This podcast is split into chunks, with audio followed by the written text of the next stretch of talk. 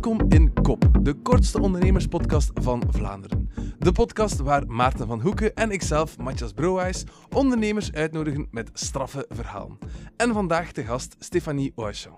Deze Antwerpse powerlady met Italiaanse en Tunesische roots staat aan het hoofd van Strictly, een facturatiesoftware die de klant helemaal ontzorgt. Strictly haalde onlangs nog 1 miljoen euro op om verder te groeien. En volgens de oma van Stefanie was ze al CEO op haar twee jaar.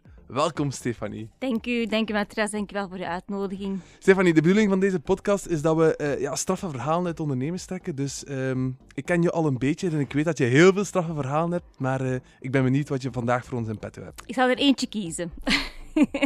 ja, een van mijn uh, leukste verhalen uh, is wellicht hoe dat we gestart zijn. Wij waren geïnspireerd door een bedrijf uit Wallonië. Dat was eigenlijk een beveiligingsfirma. En we dachten van, uh, zouden aanslaan, zouden dat verkopen in, in Vlaanderen. We zijn eigenlijk gestart met de oefening te maken van gewoon marktonderzoek. En normaal gezien, door marktonderzoek doen mensen dat zo heel hè, uitgeschreven, zo heel technisch, heel uh, ingenieursachtig. Uh, maar wij hebben gewoon een telefoonboek gepakt, mensen opgebeld, ter plaatse gegaan, ons product gepitcht en gekeken van, willen mensen effectief dit product kopen? En tot onze positieve verbazing, ik weet niet of het verbazing moet noemen, maar we hadden twee dagen volgeboekt, uh, twaalf afspraken. En we hadden vier contracten verkocht. En dat was voor ons wel allebei heel belangrijk, want was toen 22, uh, mijn vernoot was 34. Uh, ik had geen geld, uh, hij had ja, ook geen geld, dus we hadden ook maar één kans om eigenlijk direct, te slagen. we dachten, oké, we hebben een bank nodig om het materiaal dat we willen verkopen aan onze klanten te financieren.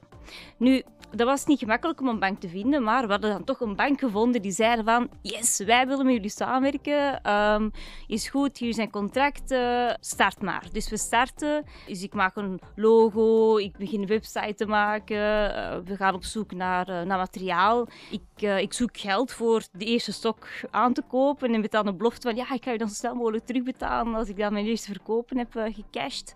Ook een sales evenement georganiseerd van hey, wij zoeken verkopers. Solliciteer nu bij Pro Biometrics. Um, er komt keihard volk op af. We hadden ook direct een heel sales crew samengesteld. en dan productbrochure, onderaannemers. Allee, dus echt een heel bedrijf helemaal opgestart. Dus we gaan de baan op, verkopen contracten met de contracten die we hadden gekregen van een bank. En een bank die belt uh, na een paar weken ineens aan mijn vernoot. En die zegt, we gaan die doen.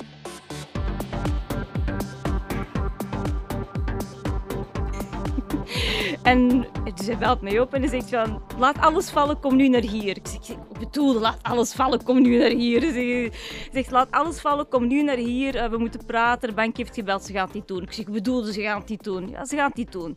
Dus ik, spring mijn auto, ik rij naar, naar Gent. Uh, want hij woont in Kortrijk, ik woon in Antwerpen, Gent was in het midden. En ik vind mijn vernoot terug aan het toog. was al is een derde gin tonic gevlogen, helemaal depressief. Uh, ja, uh, het is allemaal voor niks geweest, al die moeite. Ja, al die moeite, al mijn moeite, want ik, ik heb eigenlijk de opstart voornamelijk zelf gedaan. En ja, helemaal, helemaal in drank, helemaal in zijn miserie aan het gaan. En ik zeg tegen hem, kunnen nu alsjeblieft stoppen met u te treuren? Ik zeg, stop daar nu onmiddellijk mee. Ik zeg, het is onmogelijk dat dat de enige bank is die ons kan verder helpen. Ik zeg, dat kan toch niet? Zeg, het is toch volledig onlogisch dat dat de enige bank is die voor onze mogelijkheid kan zijn. Ik zeg heel simpel. Morgenochtend, jij komt naar mij en we gaan een bank zoeken tot we een bank gevonden hebben die met, met twee starters, waarvan mijn vernoot heeft ook al een faillissement op zijn naam staan, dus dat was ook allemaal niet zo evident. En ik was 22 jaar. dus, um, maar ik zeg tegen hem, ik zeg, wij gaan een bank vinden. Ik zeg, we zijn twee top sales, wij kunnen dat verkopen, kom aan. Allee, de volgende dag, ik zeg 9 uur bij mij hij komt toe, zoiets na de tienen, met gewoon alcoholgeurtje. Uh, hij heeft blijkbaar nog even zitten doordrinken van miserie. En uh, ik zeg tegen hem van, kijk, hier is een telefoonboek, dit zijn de banken. Um, ik zeg welke banken, jij belt, jij pitchen, maken afspraken en we gaan die bezoeken. Dus we doen dat. Hij moest het verhaal doen en ik zweeg. Dus in de auto, wij prept echt heel dat gesprek van dat gaan we zeggen, dat gaan we zeggen, dat gaan we zeggen.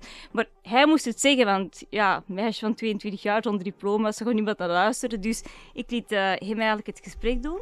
En elke keer toen iets verkeerd zei, dan schopte ik onder tafel. En elke keer achteraf zo groter en bras in de auto van stop met mij te schoppen onder tafel. En ik stop met de verkeerde dingen te zeggen. Dat was echt heel grappig. Um, drie banken en uiteindelijk op het einde van de rit hebben we een, toch een bank gevonden. die met ons wou samenwerken. En alle contracten die we getekend hadden, die hebben we gewoon opnieuw tekenen met die nieuwe bank. En we waren vertrokken. Fantastisch. De, de takeaway van dat verhaal is, op het moment dat die bank belde en die zeiden van we gaan dit doen, waren twee mogelijkheden. Oftewel konden we zeggen van we gaan een drank vliegen voor, eh, voor een heel weekend en depressief en gewoon liggen huilen. Of, ja, wat ik dan gedaan heb, heb ik gewoon de klik gemaakt van oké, luister, dit kan niet, let's go. And we did it. En jaren nadien, dan zei hij ook nog tegen mij van, weet je nog die avond, als jij toen niet hebt gezegd tegen mij van, come on! Ik zeg dan, hadden we nooit bereikt wat we nu hadden bereikt. Het was gewoon die momentopname dat het gewoon heeft gemaakt. En dat is voor mij toch wel, de start van mijn carrière is dan toch wel mijn strafste ondernemersverhaal. Prachtig, dankjewel Stefanie. en wat ons betreft, bedankt om te luisteren. En volgende week maandag zijn we opnieuw met een nieuwe aflevering van de kortste ondernemerspodcast in Vlaanderen.